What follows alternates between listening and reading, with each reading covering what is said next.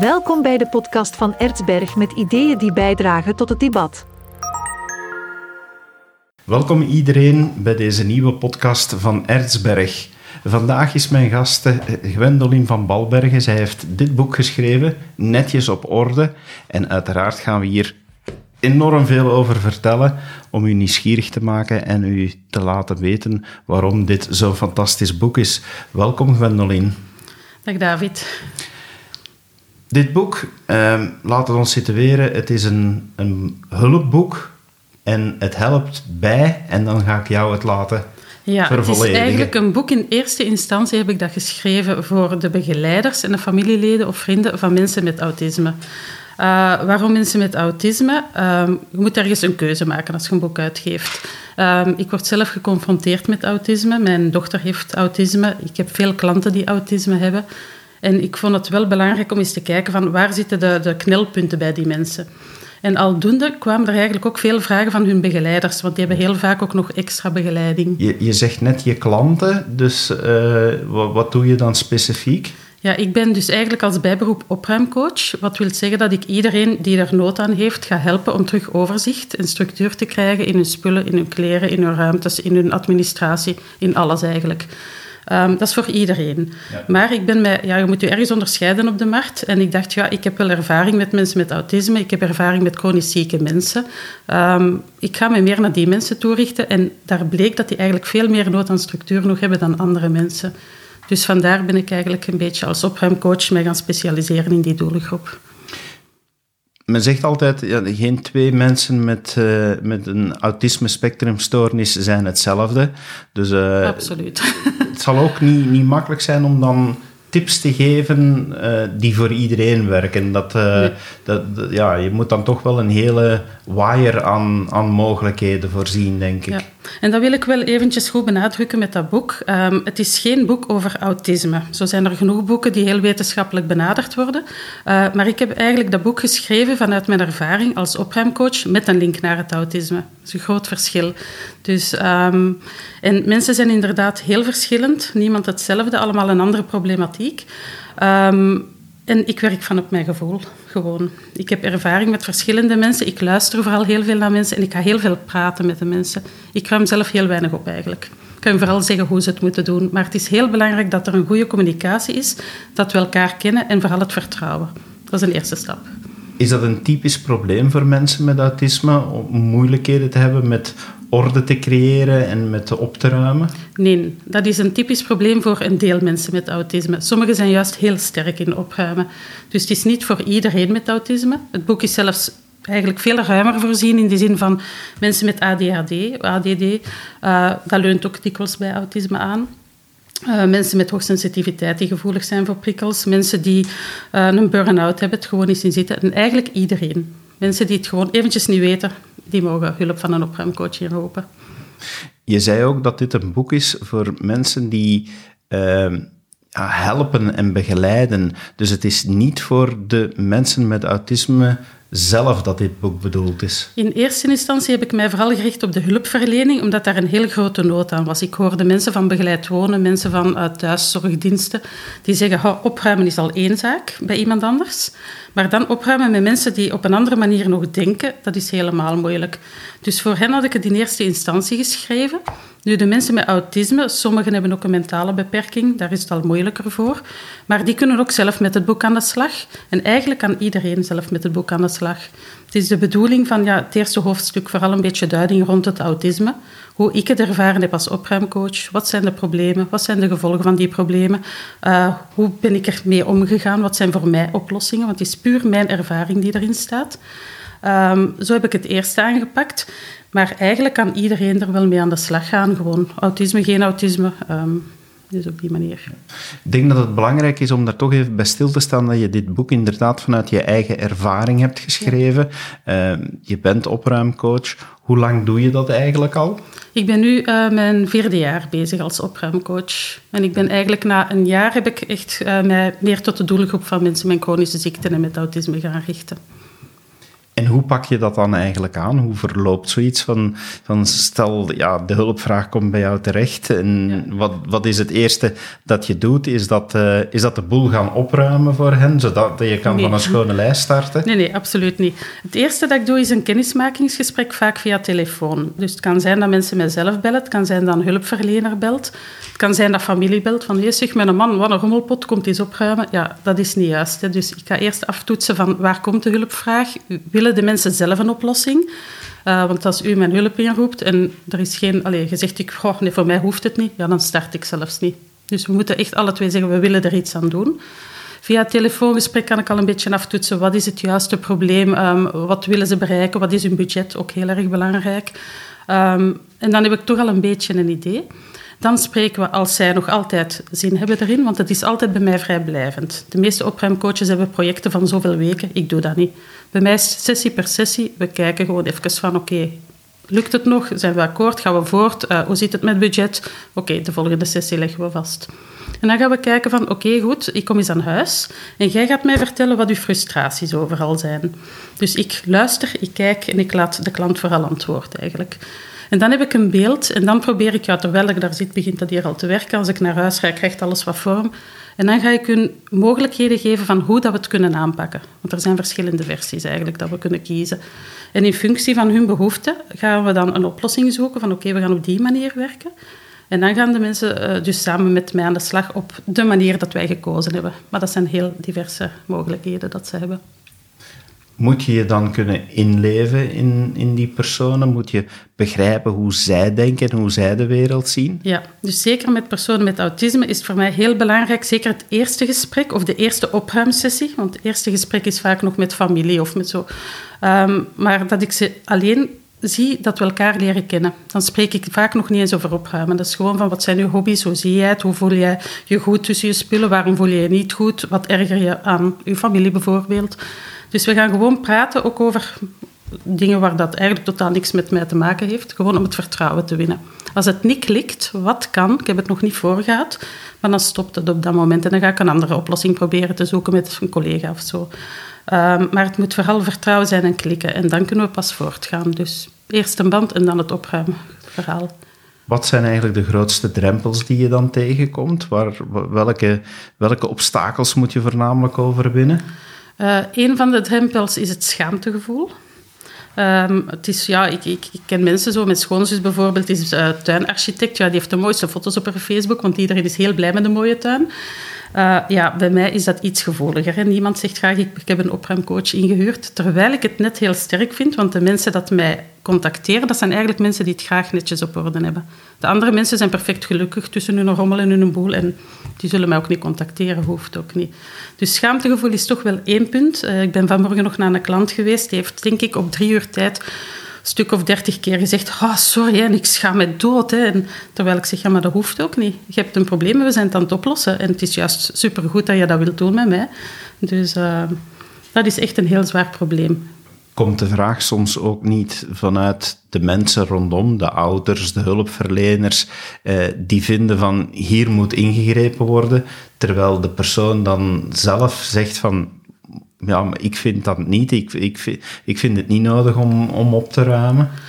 Dat gebeurt, maar zodra ik het eerste gesprek heb en we gewoon over koetjes en kalfjes aan het babbelen zijn, dan blijkt toch wel dat er bepaalde frustraties zijn, ook bij die persoon. En dan ga ik erover beginnen praten, want eigenlijk 80% van mijn job is praten met de mensen. En dan ga ik uitzoeken waarom voelen die zich niet gelukkig. En dikwijls is er een connectie met de familie of de begeleiding, want ze begrijpen elkaar niet. Gewoon communicatie is toch een grote drempel in, in het verhaal vaak. Dus. Mensen, je hebt mensen die van nature sloddervossen zijn. Ik ben zelf zo iemand van, ik zal het maar eerlijk bekennen. Um, dat is niks, ik heb een boekje extra. het is een schitterend boek, uh, helpt op heel veel punten. Maar wat dat ik wil vragen, van, zijn de verschillen groot tussen mensen die gewoon sloddervossen zijn en dan mensen die uh, ja, op het autisme-spectrum stoornis ervaren? De basis is hetzelfde. Dus we gaan naar hetzelfde toewerken, maar de aanpak is anders. Dus ja, het vertrouwen sowieso, maar ook zij denken vaak op een andere manier, een veel logischere manier dan dat wij denken. Wij denken al veel verder door. Uh, ik heb zo'n voorbeeldje, als ik zeg van, oh, ik ben naar de kapper geweest, iemand gewoon zou zeggen, maar je haar is mooi. Of die zwijgt gewoon als ze het niet mooi vindt. Maar iemand met autisme die zegt, oké, ik geef een feit en die beantwoordt dat. Dus dat is het verschil. Dus de manier van praten is toch iets anders. En daar moet je als opruimcoach dan toch, of als begeleider, rekening mee houden. Uh, ik heb al situaties gezien dat mensen volledig hysterisch worden omdat er een kous op een andere manier is opgeplooid dan dat zij het gewoon zijn. En heel vaak zijn er strubbelingen tussen de hulpverleners en dan de mensen met autisme. En als ik dan uitleg van, ja, het is op die manier dat mijn klant zich eigenlijk veel beter voelt, probeer het zo te doen, want dat is voor haar logisch, dat is rustgevend. Ja, dan zijn die strubbelingen ineens verdwenen ook. Hè. Gewoon elkaar begrijpen. Dus ja, de oplossing die ligt heel vaak niet alleen bij de persoon met autisme zelf, maar ook bij zijn of haar omgeving. Ze moeten elkaar begrijpen en ze moeten naar elkaar toe groeien. En dat is heel moeilijk, want ik heb het zo met mensen daarover gehad, hulpverleners, en die zeiden dan ook van, ik, ik vind opruimen al niet zo evident. Bij mij thuis doe ik het ook dat ik het aanvoel, maar in iemand anders huis en leven gaan opruimen, dat is al heel wat anders. En dan moet ik het nog kunnen verwoorden. We moeten nog de communicatie hebben van hoe voel jij je, wat wil jij. En meestal hebben ze vaak de tijd ook niet ervoor. Dat is al een probleem. Uh, zij doen maar op. En dan denk ik, ja, het gaat wel over die mensen hun leven. Het is heel belangrijk dat zij zich gelukkig voelen. En vaak ook heb ik een andere voorbeelden. Ik denk van, ook oh, ik ga het op die manier oplossen of op die. En zij geven dan aan, nee, dat wil ik niet. Oké, dan stopt mijn verhaal. Dan ga ik vanuit hun proberen voor te denken naar een oplossing. Het is een boek dat niet theoretisch is. Het is, het, is niet een, een, theoretische benadering, maar het is echt wel een doelboek vol met tips. Uh, echt uh, aan de slag gaan. Um, bewuste keuze om het zo aan te pakken? Ik wou wel heel lang een boek schrijven. Dat stond gewoon op mijn to-do-lijst. Nu, er zijn heel veel opruimboeken die goed zijn, uh, die ik zelf ook heb gelezen, waar ik mijn kennis uit heb gehaald. Dus zo'n boek wilde ik absoluut niet doen. En ik botste dan op de vraag van, oh, help ons, want we kunnen niet vooruit. Uh, en dan ben ik beginnen denken van hoe ga ik dat aanpakken. Ik geef ook infosessies, dus ik ben vanuit die infosessies beginnen denken hoe kan ik mijn kennis overdragen aan de mensen. En als ik zo een paar mensen het had laten lezen, die zeiden direct, ik wil gewoon verhalen horen. Want daar herken ik mezelf in. En dan wil ik gewoon heel logisch van hoe gaan we nu effectief uh, starten met het boek. Als, het is eigenlijk een handleiding. Dus je leest het één keer door, zodat je weet, oké, wat is de inhoud? En dan zou het eigenlijk in je uh, werkzak kunnen steken en zeggen, oh, dit probleem, ik ga het eventjes pakken, hoe lossen we dat op? Dan is het misschien heel moeilijk om, om op deze vraag te antwoorden. Is, maar als je nu één bepaald deel uit dit boek moet, moet uitlichten, dat je zegt van, dat vind ik toch eigenlijk, ja, voor diegene, laat ik het zo stellen, voor diegene die maar vijf minuten heeft, welk stuk moeten ze dan zeker lezen in die vijf minuten? Voor begeleiders die omgaan met mensen met autisme, die krijgen daar absoluut geen opleiding. Dus begeleid wonen, zorgkundigen, die krijgen daar geen opleiding voor. Is het eerste hoofdstuk toch wel heel belangrijk. Omdat je dan een beetje duiding krijgt rond het autisme en hoe kun je daar een beetje mee omgaan. Um, voor andere mensen, ja, waar ligt het probleem? Heb je probleem met je tijdsinplanning? Ja, dan zou ik zeggen, ga naar het hoofdstuk uh, hoe dat je efficiënt kan organiseren binnen je tijd. Uh, heb je meer een probleem met je spullenorde? Iets wat dat bij veel mensen is, afscheid nemen van spullen. Uh, dan zou ik zeggen, van, ga naar dat hoofdstuk. Het is echt per thema een beetje. Heb je kinderen waar dat je iets mee wil doen? Daar is ook een apart hoofdstuk over gemaakt. Terwijl dat die regeltjes even goed voor de volwassenen kunnen dienen, hoor. Je hebt dit boek geschreven vanuit die ervaring die je hebt opgedaan als opruimcoach. Wanneer je dit boek hebt geschreven, heb je dan ook hulp gezocht bij andere opruimcoaches of bij andere uh, ja, mensen die vertrouwd zijn met autisme, met ADHD en dergelijke, om, uh, om je boek en, en de tips te verfijnen? Andere opruimcoaches. Er zijn niet zo heel veel opruimcoaches die rond autisme werken. Dus dat was al een beetje ja, mijn ding dan. Um, ik heb ja, mijn eigen dochter. Daardoor heb ik een groot netwerk binnen het autisme-netwerk, uh, zal ik zeggen. Um, dus daar heb ik vroeger al heel veel geleerd. Ik heb er ook wel over gelezen, uiteraard. Um, en dan mijn klanten. Dat is eigenlijk alle leeftijden door elkaar. Heb ik van vanaf begin 20 jaar tot boven de 60 jaar. Um, veel mensen, nu ga ik een uitspraak doen die van mij komt, zeker niet wetenschappelijk, maar volgens mij heeft iedereen autisme de ene wat meer dan de andere. Het is alleen als je niet functioneert, dan wil ik de term autisme erop uh, plakken. Maar ik heb ook zo de vieze neiging, zo op het toilet, de wc-rol moet omhoog zijn. En is dat niet, pap, pap, het gaat toch wel omhoog even. Hè. Dus iedereen heeft wel trekjes daarvan. Het is alleen ja, als het moeilijk wordt om, om deftig te functioneren in de maatschappij, dan hebben we echt een probleem. Wat zijn de reacties die je tot nu toe zo al krijgt? Wel, ik was heel benieuwd, want ik had geen flauw idee hoe dat het zou komen. Nu, um, wat mij heel blij maakt, is dat ik vooral heel veel reacties krijg uit het milieu rond het autisme. Dus niet mijn tante of mijn collega die in de gang loopt van ik heb uw boek gekocht, gewoon om u plezier te doen, een tof boek, daar ben ik niks mee. Dus nu zijn het meer zo verhalen van, oh zeg, ik heb een zus en die heeft een kindje met autisme en die heeft dat via school gehoord en dan mag dat is wel een tof boek hoor. Of autie-coaches die het zeggen van, ik werk elke dag met zo'n mensen en eigenlijk, ja, het is een heel goed boek en ik ga het zeker aanbevelen. Ja, dat zijn dingen die mij blij maken. Aangezien het een doelboek is, zullen veel mensen wel misschien op voorhand de vraag stellen: ja, maar is het praktisch? Kan ik ermee aan de slag? Uh, is er een manier waarop dat zij voeling kunnen krijgen? Want ja, je kan uiteraard altijd naar de betere boekhandel gaan en, en daar gaan zoeken of het daar ligt en eens inkijken. Maar uh, mensen die gewoon van thuis uit eens willen, willen kijken, is er een mogelijkheid zodat zij al eens kunnen proeven van het boek?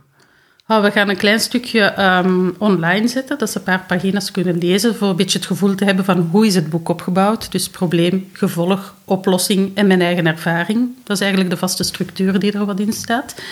Er staan ook uh, referenties in, een paar van klanten die hun verhaal hebben verteld. Um, ook mensen die ermee bezig zijn, professioneel, die hebben ook een gedachte erin geschreven.